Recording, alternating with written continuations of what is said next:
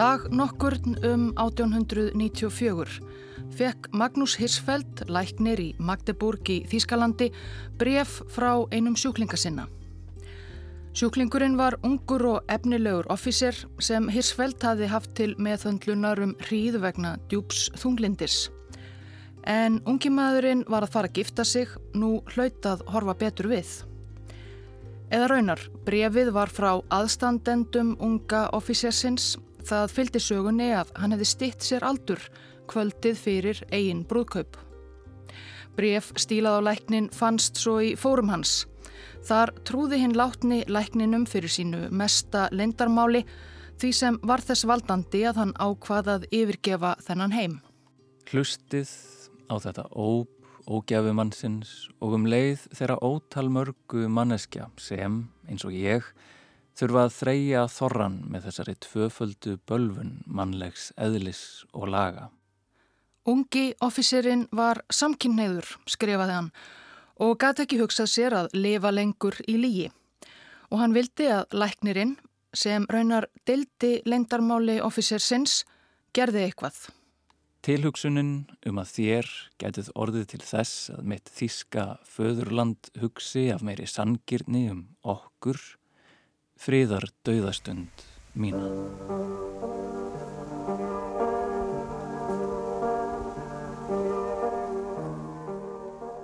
Magnús Hirsfeld fættist 14. mæ 1868 í Kolberg í Prúslandi, borg sem nú er Kolubursegg í norðvestanverðu Pólandi við strönd Eistarsaltsins.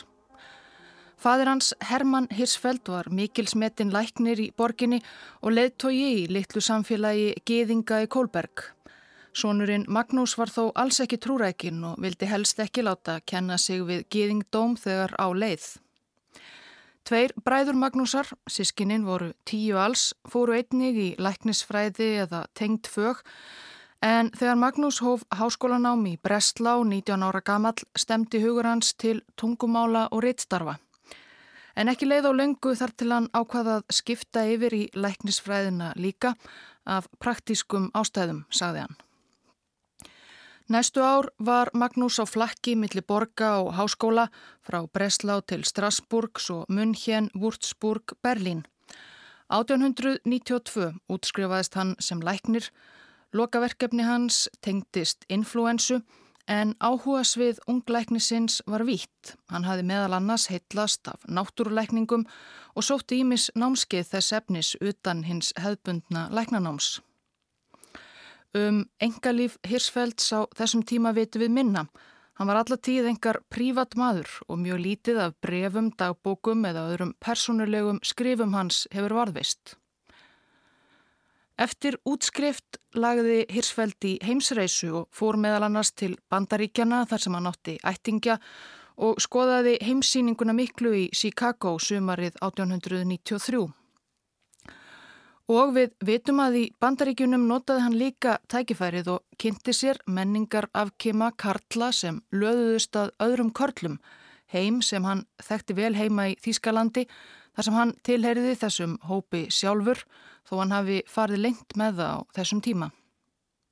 Hirsfeld íjaði svo að þessari rannsóknarvinnu sinni í felti í rítum mörgum árum síðar. En það sem helst vakti aðtikli hans í bandaríkunum og hvar sem hann kom síðan var að þrátt fyrir að þetta væru lokaðir heimar sem ekki var hlaupið að fyrir aðkomumann að komast inn í, voru menningin og siðirnir engu að síður áþekk.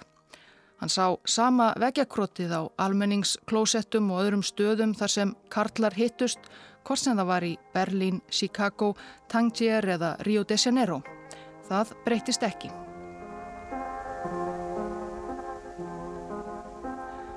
Sjötta april 1895 var enska leikskáldið Oscar Wilde handtekinn, sagaður um velsæmisbrot fyrir sambönd sín við aðra karlmenn. Væld var á hátindi fræðarsinnar, gamanleikurinn hreitn umfram allt hafði nýlega verið frumsýndur í Lundunum.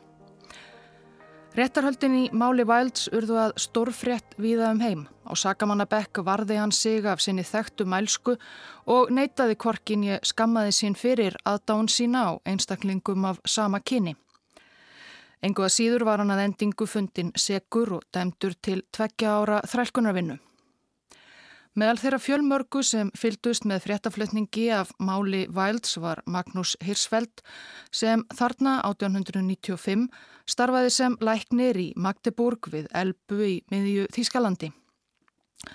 Hann blandaði höfbundin í læknisfræði saman við reynslu sína af náttúrulækningum, lagði við sjúklinga sína gjarnan áherslu á hluti eins og heilbrygt mataræði, bindindi, útivist og böð.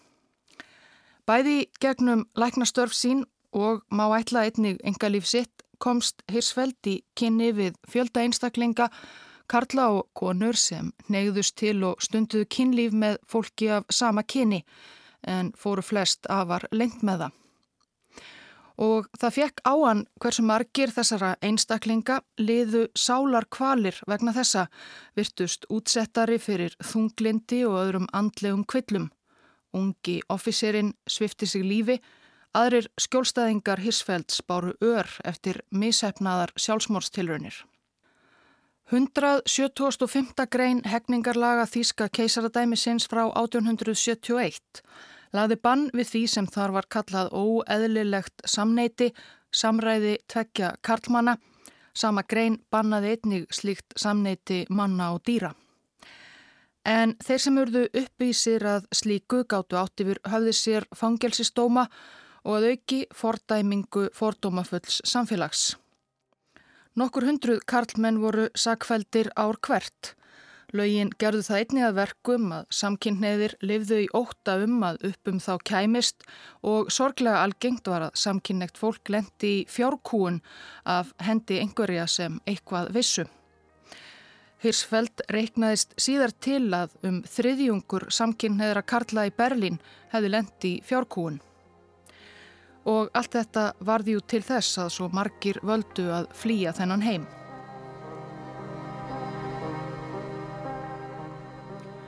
Samkynneið hefur að sjálfsögðu þekst frá alda öðli en notið mis mikils samþykkis eftir tímabilum og menningarheimum. Í mæ 1868 kynnti ungverskur skrýpend búsettur í Vínarborg, Karl Maria Kjartbenni, í brefi til kunningasins, þýska lögmannsins Karls Heinrichs Ulriks, honum tvö nýjirði sem hann hafi skapað, homoseksual, samkynneður, og heteroseksual, gagkynneður. Báðir, Kjartbenni og Ulriks, voru hið fyrrnemda. Kertbenni fór lengt með það eins og flest samkynnegt fólk í Evrópu gerði á þessum tíma en Karl Heinrich Ulriks var óvennilegur að því leiti að hann skrifaði um eigin samkynneigð undir eigin nafni, varð þannig einna fyrstur til að koma formlega út úr skápnum eins og sagtir í dag. Ulriks notaði annað orðfæri um sjálfan sig en pennavinurinn Hann kallaði sig og sína á þýsku úrning eða úranískan sem er vísun í gríska goðafræði. Giðjan Afrodíta átti að hafa verið eingetinn dóttir himnaguðsins úranusar sem sé getinn án þess að kona kemi við sögum. Þetta úranusar orðfæri lifði í nokkra áratugi, helst í þýskri og enskri tungu. Fórnfús barátta hins úraníska lögmanns Karls Henriks Ulriks, fyrsta mannsinn sem kom út úr skápnum, náði ekki svo langt en aðrir tóku svo við keflinu. 1896 gaf lítið bókaforlag í Berlín út bækling eftir T.H. nokkur Ramian sem bara heitið Saffo og Sókrates eða Hver er skýringin á ást Karla og Kvenna á eigin kyni? T.H. þessi Ramian var í raun dullnefni Magnúsar Hirsfelds læknis Þarna 1896 var hann fluttur og farin að starfa sem læknir í Charlottenburg vestur af Berlín. Í bæklingnum setur hann fram kenningar sínar um samkynneið í grófum dráttum að það að vist fólk neyjist til einstaklinga af sama kyni eigi sér líffræðilegar skýringar þetta sé náttúrlegu hluti af litrófi mannskeppnunar. Slík neyð eigi því ekki að teljast vera glæpsamleg eða öfugugaháttur. Ekki leið svo löngu þar til Hirsfeld kastaði dulnefninu. 15. mæ 1897, daginn eftir 29 ára amælistægin sinn, bauð hann nokkrum skoðanabræðurum sínum heim til sín í Sjálfottenburg á stopnfund þess sem þeir nefndu vísinda og mannúðarráðið. Markmiður áðsins var ekki síst að berjast gegn henni óréttlátu og harðuneskjulegu 175. grein þýskra refsilaga en já framt að reyna að auka skilninga á þessu fyrirbæri sem sumir kentu við Úranus úti í samfélaginu. Hirsfeld tók áskoruninni úr hinsta brefi unga officersins og tók það á sig að reyna að fræða þjóðverja um sameinlegt leindarmál þeirra. Vísindarlega mannúðarráðið var, má segja, einhver allra fyrstu samtök stopnuð gaggjart til að berjast fyrir rétti hinsegin fólks í Þískalandi og í heiminum öllum.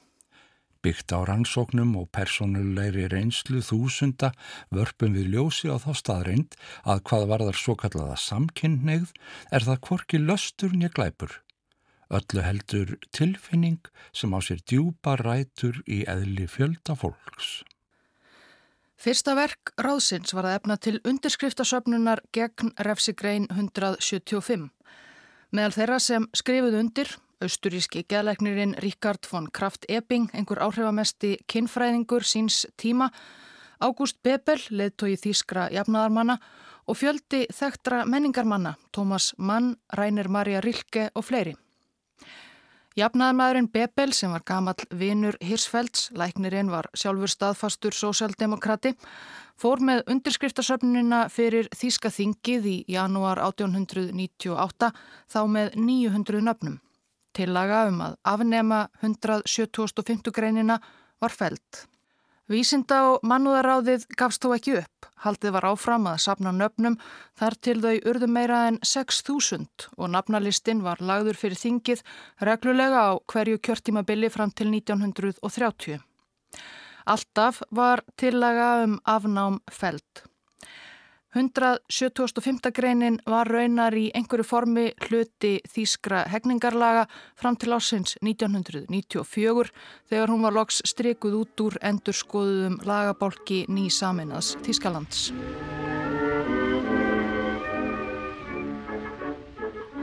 Þrátt fyrir að aldrei næði áskoruninn gegn 175. greininni fram að ganga bættust í hvert skipti fleiri nöfn málsmetandi manna við undirskriftalistan.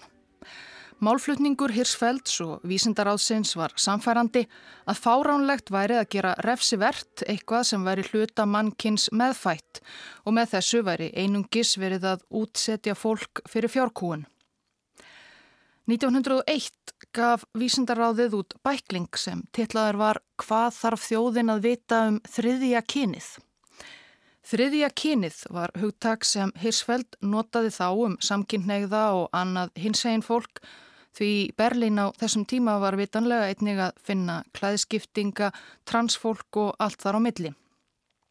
Fólk sem Hirsfeld vildi meina að væri eins konar þriðja kyn þar sem það fjall ekki snirtilega í hinnar nýður njörfuðu skilgreiningar samfélagsins á kartleða kvenkinni og þeirra samfélagslega viðurkjöndu hegðun. Síðar þróaði læknirinn hugmyndir sínar frekar og fór þá að notast við hugtækið kynferðislegt millistig.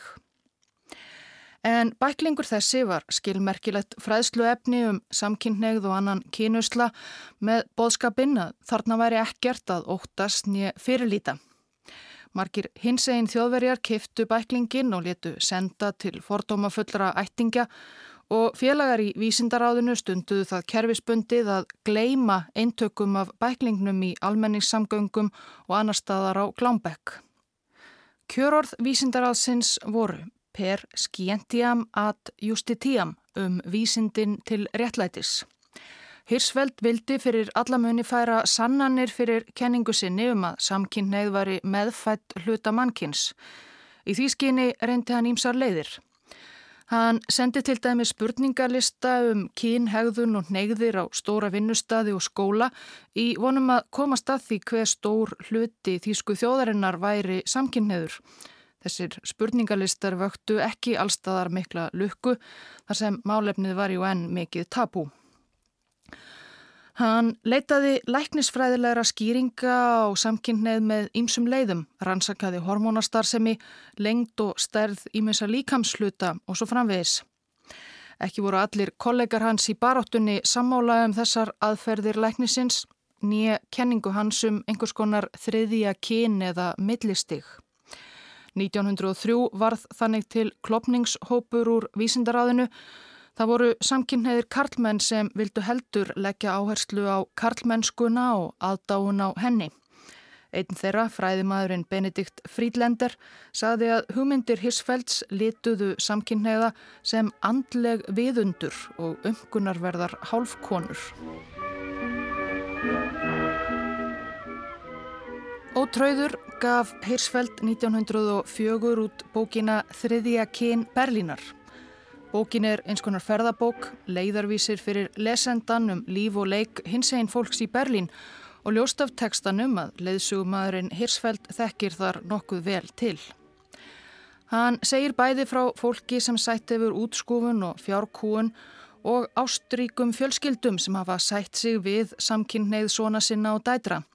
Hann segir frá lífi vændiskvenna og karla í týrgarten og öllu litrófi næturlífsins af skuggalegum knæpum í Frídrikstad þar sem virðulegir borgarar blanda geði við týpur eins og Skambissu, Hæni og Hermann Slátrara og elegant enga dansleikjum Karla og Kvenna í fínustu sölum heimsborgarinnar. Til dæmis fekk Hirsfeld eina heimildarkonu sína til að segja frá grímudansleik hins egin Kvenna. Eftir átta á fallegu vetrarkvöldi nefnur hver vagnin á fætur öðrum staðar fyrir utan eitt af fínustu hótelum Berlínar og útstíga kallar og konur í búningum hvers lands og hvers tíma. Hér er glæsilegur stúdent með tegnarleg ör eftir einvíi. Þann er grannvaksinn Rókókó-rittari sem vasklega stiður dömu sína út úr vagninum. Stórir, bjartir salirnir fyllasta fólki, þann er holdugur hettumungur sem tekur við kurteislegum kveðjum síkauna, trúða, sjóara, heimskupétra, bakara, kótbónda, offísera, herramanna og kvenna í riðfötum, búa, japanskra herramanna og fíngerðra geysja. Brúneigð Carmen kveikir í knapa, blóðheitur Ítali vingast við snjókall. Valsinn hefst og pörin líða saman í ringi í gegnum nóttina. Úr næstu sölum heyrist glimjandi hlátur, glasaglamur og áhyggjulegs söngur en hverki, hvert sem litið er, er farið út fyrir mörg hins fáaða grímudansleiks. Ekki einn falsnóta varpar skugga á gleðina þar til síðustu gestirnir stíga út í föla byrtu februarmorgunsins og yfirgefa staðinn þar sem í örfáar klukkustundir þær fundu skilningsríkan félagskap til að upplifa sína innstu drauma. Markmið bókarinnar var það sama á áður að upplýsa og fræða sína öðrum þjóðverjum að þetta væri ekkert glæpsamlegt eða ljótt. Höfundur byðlaði til lesenda með úranísku orðfæri lögmannsins Karls Heinrichs Ulrichs. Hvar í Berlín er sá menningar unnandi sem ekki hefur notið leikrætna hæfileika úranískrar harmleikonu? Sá tónlistar unnandi sem ekki hefur hlýtt á rött úranísks ljóðasöngvara? Hugsaðu um kokkin sem eldar fyrir þig, rakaran sem klippir þig, saumakonuna sem saumar född konuðinnar og blómasalan sem skreitir íbúðina þína. Ertu vissum að það séu ekki einhver úranísk meðal þeirra? Sökk við ykkur í mestaraverk heimsbókmentana, grandskoðið hetjur mannkinsögunar, fetið í fótspor hinn að miklu hugsuða og þeir rekist ánvafa af og til á samkynniða. Engur sem er ykkur kær og komist hafa til metorða þrátt fyrir eða jafnvel, segja sumir, vegna þessa sérstaka eiginleika. Vitið þið fyrir vissu að meðal ykkar nánustu, meðal þeirra sem þið elskið, dáið ofar öllum, meðal bestu vina ykkar, sistra, bræðra, sé ekki nokkur úranískur.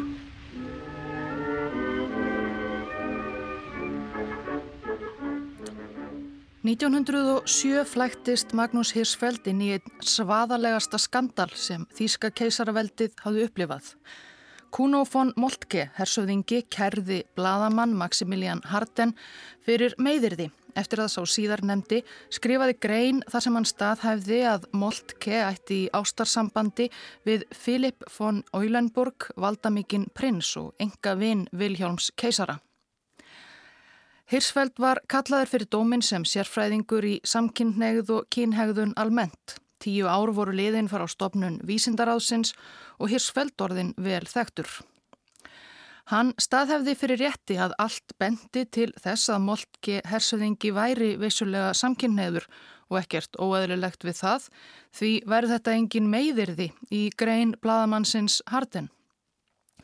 Markmið Hirsfeld var vísast að vekja aðtegli á málstæðnum og sína enn og aftur að samkynneiðir leindust allstæðar, jafnvel í röð hersöðingja og vitnisspurður hans vakti sannarlega mikla aðtegli og umtal.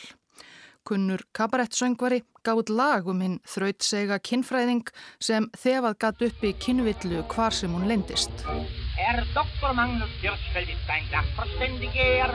Ja, dieser Herr ist in Berlin jetzt riesig populär. Der Hirschfeld hat das gewiss zu, in manchen Punkten recht. Jedoch mir scheint beinahe, er glaubt, die ganze Welt sei schlecht. Er wittert überall Skandal.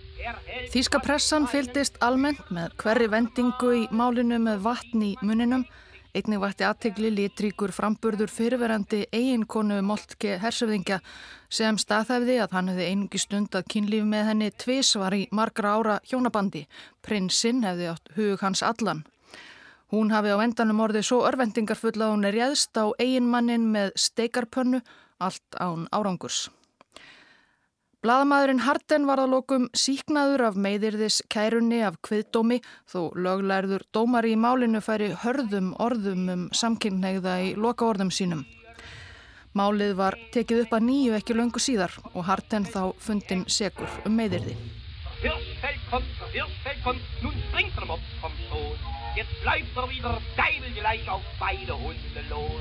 Den einen, den erwischt er noch an dem Laternenpfahl, sonst schreibt ein Hirschfeld auf und sagt, der Mops ist nicht normal.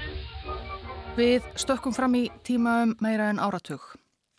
Þíska keisaraveldið lifði fyrir heimsturjöldina ekki af. Væmar liðveldið sem við tók glýmdi við mörg alvarleg vandamál en þrátt fyrir það blómstræði menningarlíf og næturlíf mjög eftir styrjöldina. Og hið linda en líflega skemmtanalíf hinsegin fólks sem Hirsfeld hafði líst í bók 1904 sprakk út sem aldrei fyrr. Á millistriðsárunum varð Berlín að óumdeildri hinsegin höfuborg Evrópu, ef ekki heimsins. Í borginni spruttu nú upp knæpur og klúpar fyrir homma, lesbjur og næstum allir gáttu fundið eitthvað fyrir sitt hæfi. Sérhæfð tímaritt voru gefin út fyrir homma, lesbjur og transfólk Berlín var það heitum viðkomustad hinsegin ferðafólks frá öðrum löndum. Enski rítöfundurinn Otten sem dvaldi um hríð í Berlín á árunum 1928 til 1929 lísti borginni sem Paradís Hommans. Þegar hann snýri heim til Englands batt hann strax enda á trúlofun sína við konun okkra og lofaði sjálfum sér aldrei, aldrei aftur. Vinur Ottens og kollegi Kristófer Isherwood sem heimsótti hann vorið 29 varð svo uppnuminn af henni hins einn Berlín að hann áttaði sig á því að fyrir hann snerist þetta ekki innvörðungu um kynlíf heldur hefði hann fundið sinn ættbálk, sitt fólk.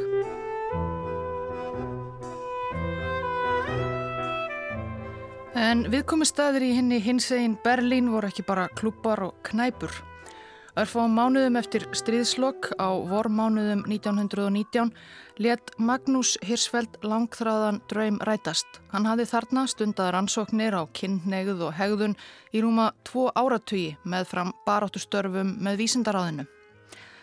Hann kifti stort og glæsilegt gulleitt einbillishús við Beethovenstræti í útjæðri Tiergarten þar sem hann 7. júli 1919 við hátilega aðtöfn laug formlega upp dyrum að sinni eigin kinnfræðastofnun þeirri fyrstu sinnar tegundar í heiminum.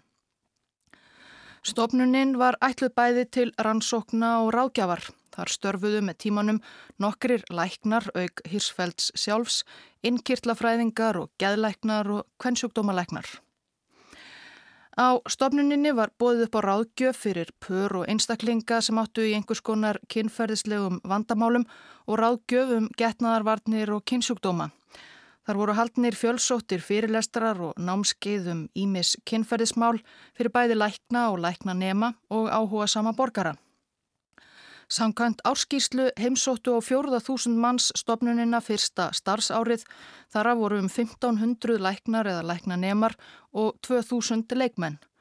Um 30% gesta mátti samkvæmt árskýrslunni skilgreina sem af einhvers konar kynferðislegu millistígi eins og sagt var. Á stofnuninni var líka sapn, stundum einfallega kallað Hirsfeld sapnið sem varð fjölsótt af ferðamönnum í Berlín Þar mátti meðal annars sjá sapn kynlífsleikfanga og hjálpartækja hvaða næfa aður heiminum sem Hirsfeld og aðrir höfðu sapnað á ferðum sínum.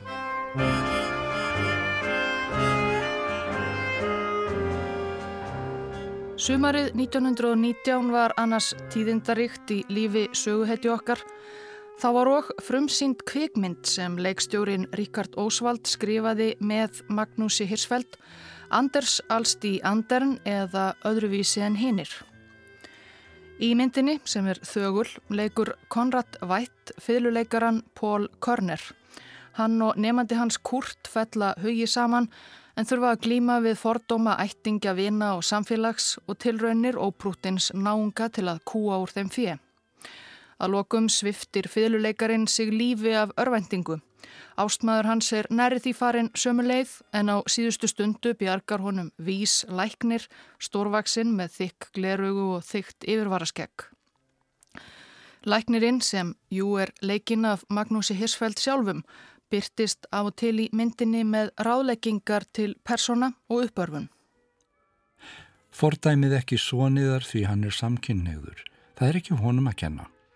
Það er ekki ránt og ætti ekki að vera glæpur. Það er ekki einu sinni sjúkdómur, bara tilbriði sem algengt er í náttúrunni. Ást á einstaklingi af sama kyni er hvorki minna göfu eða hrein en ást á gagnstæðu kyni. Þessa neyð má finna í öllum lögum samfélagsins og meðal mætra manna. Þeir sem segja annað mæla aðeins af fávisku og fordómum. Líkur myndinni svo á senu þar sem hinn hataða 175. grein er strekuð út úr þýsku lagabókinni. Markmiðið var en það sama. Öðruvísi en hinn er var byltingarkent.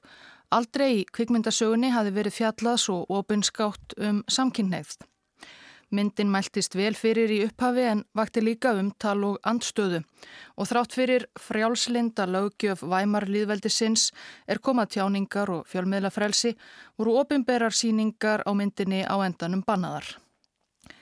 Í auka hlutverki í öðruvísi en hinnir var ungur námsmaður 21 ás frá Munhjön Karl Gíse Síðar á árinu 1919 var hann byrjaður að vinna á stopnuninni og fluttur inn í íbúð Hirsfelds í byggingunni. Karl Gíse og Magnúsína Frænka eins og Hirsfeld var stundum kallaður á stopnuninni voru saman upp frá því.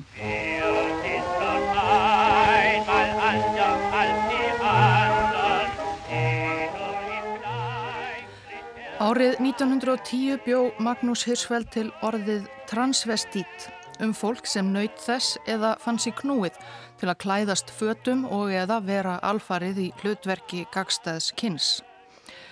Transvestít varð síðan notað í vestrænum tungumálum aðalega yfir það sem á íslensku er kallað klæðskiptingur en á nefa var hluti þess fólks sem Hirsfeld komst í kynni við í störfum sínum og lísti með þessu orði í raun það sem í dag væri kallað transfólk. Nokkru síðar smíðaði Hirsfeld raunar einnig orðið transsexual en nokkuð leið þar til það varð almennt notaðum transfólk á evróskum málum. En hvað sem orðanótkun líður er ljóstað fólk sem í dagmyndi á nefa skilgreina sig sem trans, karlar og konur gatt leitað til kinnfræðastofnunar Hirsfeld um aðstóð. Innkirtla fræðingarstofnunarinnar voru með þeim fyrstu sem gerðu tilraunir með hormónagjafir til transfólks sem og skurðaðgerðir til kinnleðritingar. Það var brot á velsæmislögum að klæðast fötum sem tilheyrðu gagstæðu kyni á almanna færi en í samvinnu við Þísk yfirvöld gaf kynfræðastofnunin út vottor þess efnis að handhafi þess mætti klæða sig svona svo transfólk þyrti síður að óttast ofsóknir yfirvalda.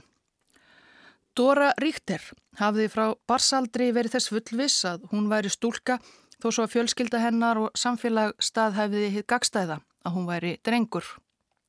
Hún hafði lengi liðið sálar kvalir vegna þessa meðal annars reynd að vinna sér megin.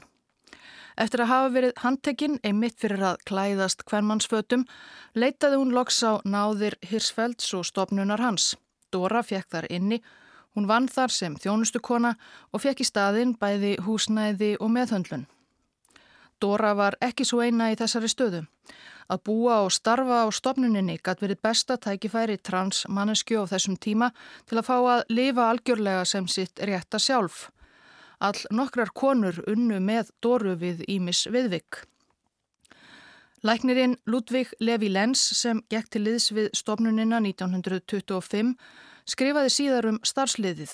Í tekstanum notar hann þetta orð transvestít, klæðskiptingur en ekki óleiklegt er að þær hefðu skilgreint sig sem transkonur í dag. Það var erfitt fyrir klæðskiptingana að finna atvinnu. Við vissum það, svo við gerðum allt sem í okkar valdi stóð til að útvega þeim vinnu á stofnuninu okkar. Til að mynda voru fimm þjónustukonur, allt klæðskiptingar og ég gleymi því aldrei þegar ég fór einhverju sinni inn í eldús stofnunarinnar eftir vinnu og þar sátu í napp, stelpurnar fimm, prjónuðu og saumiðu og sungu gömul þjóðlög Þær voru hvað sem öðru leið, harðduglegustu og samvisku sömustu þjónustu konur sem við nokkur tíman höfðum og aldrei grunaði ókunnuga gesti nokkuð. 1931 undirgekst Dóra kinnfæra aðgerð á stopnuninni. Fyrst voru Karlkins kinnfæri hennar fjarlægð og svo gerð til raun til að skapa í stað þeirra hvernmannsköp. Dóra Ríkter var þar með fyrsta transkonan til að undirgangast slíka aðgerð, alltjent sem heimildir er um. Danska translistakonan Lili Elbe fór einnig til Berlínar til að hljóta meðhöndlun á stofnuninni 1930. Hinn umdelda kveikmynd The Danish Girl frá 2015 fjallar um æfi Lili Elbe en rétt er að minnast á að þær aðgerðir sem svo dróðu hana til ótímabærs dauða 1931 voru ekki gerðar á stofnun Hirsfelds heldur sjúkrahúsi í Dresden. En meðfram því að næturlífið blómstræði í Berlín voru myrkari öll sífælt að verða fyrirferðameiri, hægri öfgamenn og þjóðurnisinnar. Magnús Hirsfeld varð skotspótn öfgamanna enda bæði gýðingur og einn öttulasti talsmaður landsins fyrir réttindum hins einn fólks. 4. oktober 1920 flutti Hirsfeld fyrirlestur um kinnfræði í tónleikasali München Fyrirlesturum hans í Stettin og Nürnberg hafi verið aflýst vegna hótana sem honum bárust og í salnum í munn hérn var fjöldi óerðasekja með hróp og framíköll. Á leið heim á hótel að loknum fyrirlestri réðist hópur manna á læknin, Hirsfeld var 52 ára, gekk í skrokka honum og skildi hann eftir blóðugan á gangstettinni. Dæin eftir sögðu fjölmiðlar innan Þýskalands og utan, meðal annars New York Times, frá því að þinn alþjóðlega kunni kinnfræðingur Magnús Hirsfeld hefði verið barinn til bana í munn hér. Raunin var að Hirsfeld livði ára á sína af við Íllan leik og frétti af eigin dánartilkynningum á sjúkrahúsi í munn hér. Árásarmennir náðust aldrei en tilheyrðu eflaust einhverjum hópum þjóðerni sinnaðara fauta sem leku lausum hala í Þýskalandi. Nokkrum dögum síðar ávarpaði Adolf Hitler, forvísmaður nýlegs þýsks stjórnmálaapls nazistaflokksins, samkundu í bjórkjallara í munn og notaði tækifærið og úthúðaði Magnúsi Hirsfeld og kallaði hann Gýðingasvín sem hefði það markmiði að spilla þýskri menningu. Í janúar 1933 varð tíður Adolf Hitler kanslari Þýskalands. Meðal þess sem nazistaflokkur hans réðst í komin til valda var það sem þeir kölluðu að hreinsa ríkið. Frelsi Væmar líðveldisins var lokið. Homa og lesbíuklúpum Berlínar var gert að loka einum af öðrum, tímaritin hættuð að koma út, lesendur þeirra og gestir klúbana hörfu aftur í felur í vonum að bjarga eigin skinni.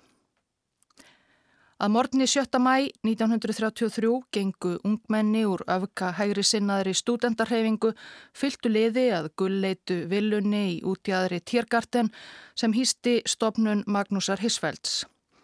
Ungmennin hrópuðu slagorð gegn lækninum, brennum Hissfeld, ruttu sér leiðinn og réðust á starfsfólk.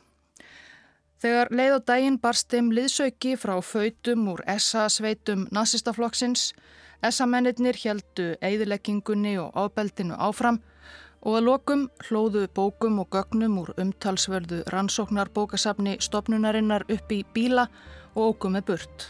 Lóksum kvöldið kom sveit laurglumanna og skellti í lás.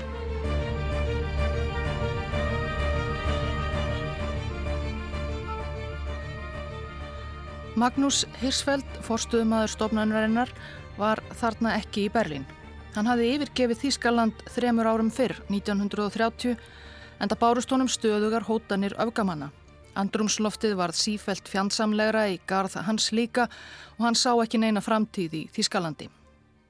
Í november 1930 fór Hirsfeld til New York, fyrsta stoppið í heimsreisu sem bæði var fyrirlestrarferð og leitað framtíðar dvalarstað. Hann helt fjölda fyrirlestra í bandaríkunum næstu vikurnar þó minnstum samkynneið eða slík málefni sem getu farið öfug ofan í tebrulega kana heldur helst almennt um kyn og hjónalífs vandamál.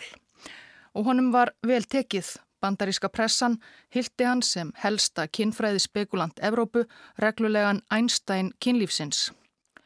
Frá bandaríkunum hjælt hann til Japans þar sem hann heitlaðist af Kabuki leikúsinu þar sem Karlar leika kvennhlutverk og til Shanghai þar sem hann heitlaðist af 23 ára læknanema Li Xiutong.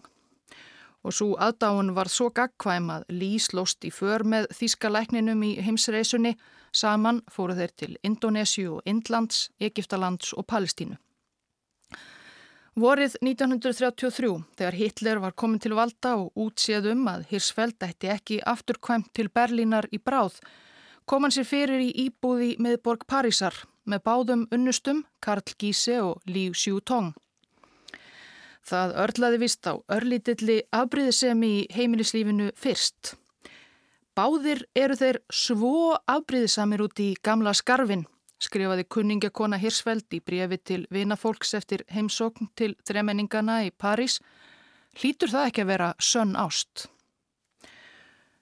En svo fjall allt í ljúfa löð, svona næstum. In Berlin, wie in anderen Universitätsstädten Deutschlands, wurden undeutsche und unsittliche Bücher von den Studenten eingesammelt und öffentlich verbrannt. Ágætti hlustandi ef þú hefur séð eins og eina heimildamindum uppgang nazismanns í Þýskalandi hefur þú örgla séð mynd skeið af nazistum henda óæskilegum litteratúra og stóra bálkjasti. Þekktast þessara myndbrota er frá bókabrennu kvöldið 10. mæ 1933.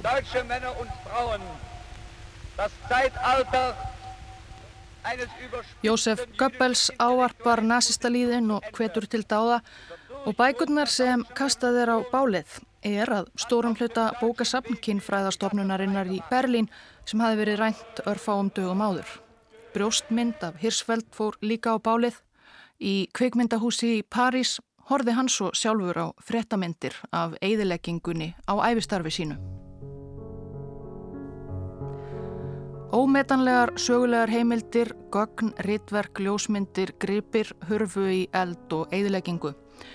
Og fjöldi fólks hvarf einnig hvað varð til dæmis um Dóru Ríkter, fyrstu konuna sem undirgekst kynleðréttingar aðgerð á stofnuninni og bjóð þar og starfaði.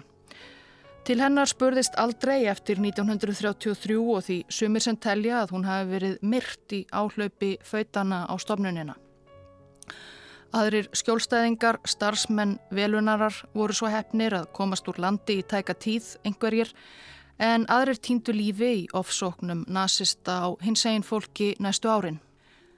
14. mæ 1935 hjælt Magnús Hirsfeld upp á 67 ára amalistag sinn í Nís í Suður Fraklandi þangað sem hann sótti í heitara loftslag sér til heilsubótar.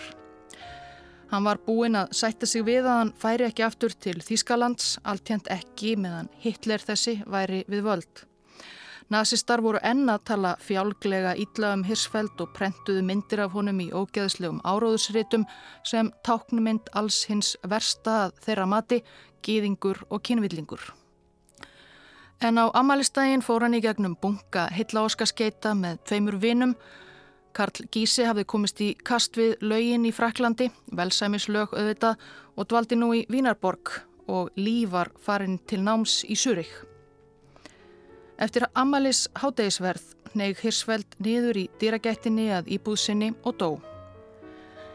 Í erðaskrá eftirléttan flestar eigur sínar og fjármunni unnustunum tveimur og skrifaði að fjeðættu þeirra nota til að endurreisa stopnun hans og halda baráttunni áfram. Það varð lítið úr því. Karl Gíse svifti sig lífi í Tjekkoslovakíu 1938. Lý Siutong let lítið að sér kveða ofinberlega meir. Hann lést 86 ára í Vancouver í Kanada 1993. Nokkru eftir andlát hans fann nágræni hans í Vancouver ferðartösku í Ruslagámi. Í ferðartöskunni voru meðal annars gömul gulnuð skjöl ljósmyndir af ungum asískum manni og eldri kvítum manni með stort yfirvaraskegg á ferðalægi á ýmsum stöðum og kvít dauðagríma mannsins með yfirvaraskeggið. Arfleith Magnúsar Hissveld glataðist og gleymtist í setni heimstyrjöld. En nokkrum áratugum eftir stríð, upp úr 1980, með fram vitundarvakningu um bæði réttindi, hinsegin fólks og sögu þess, fór fólk að gefa honum göym að nýju. Það reyndist erfitt verk þar sem svo mikið kvarf í styrjöldinni, bæði heimildir og fólk. Hér hefur aðeins verið stiklað á stóru í margslunginni, æfi og starfi Hirsfelds. Vísindastarf hans og kenningar hafa elst misvel en engin vafileikur á að hann var frumkvöðull á sínu sviði og ekki síst frumkvöðull í mannreitindabaráttu.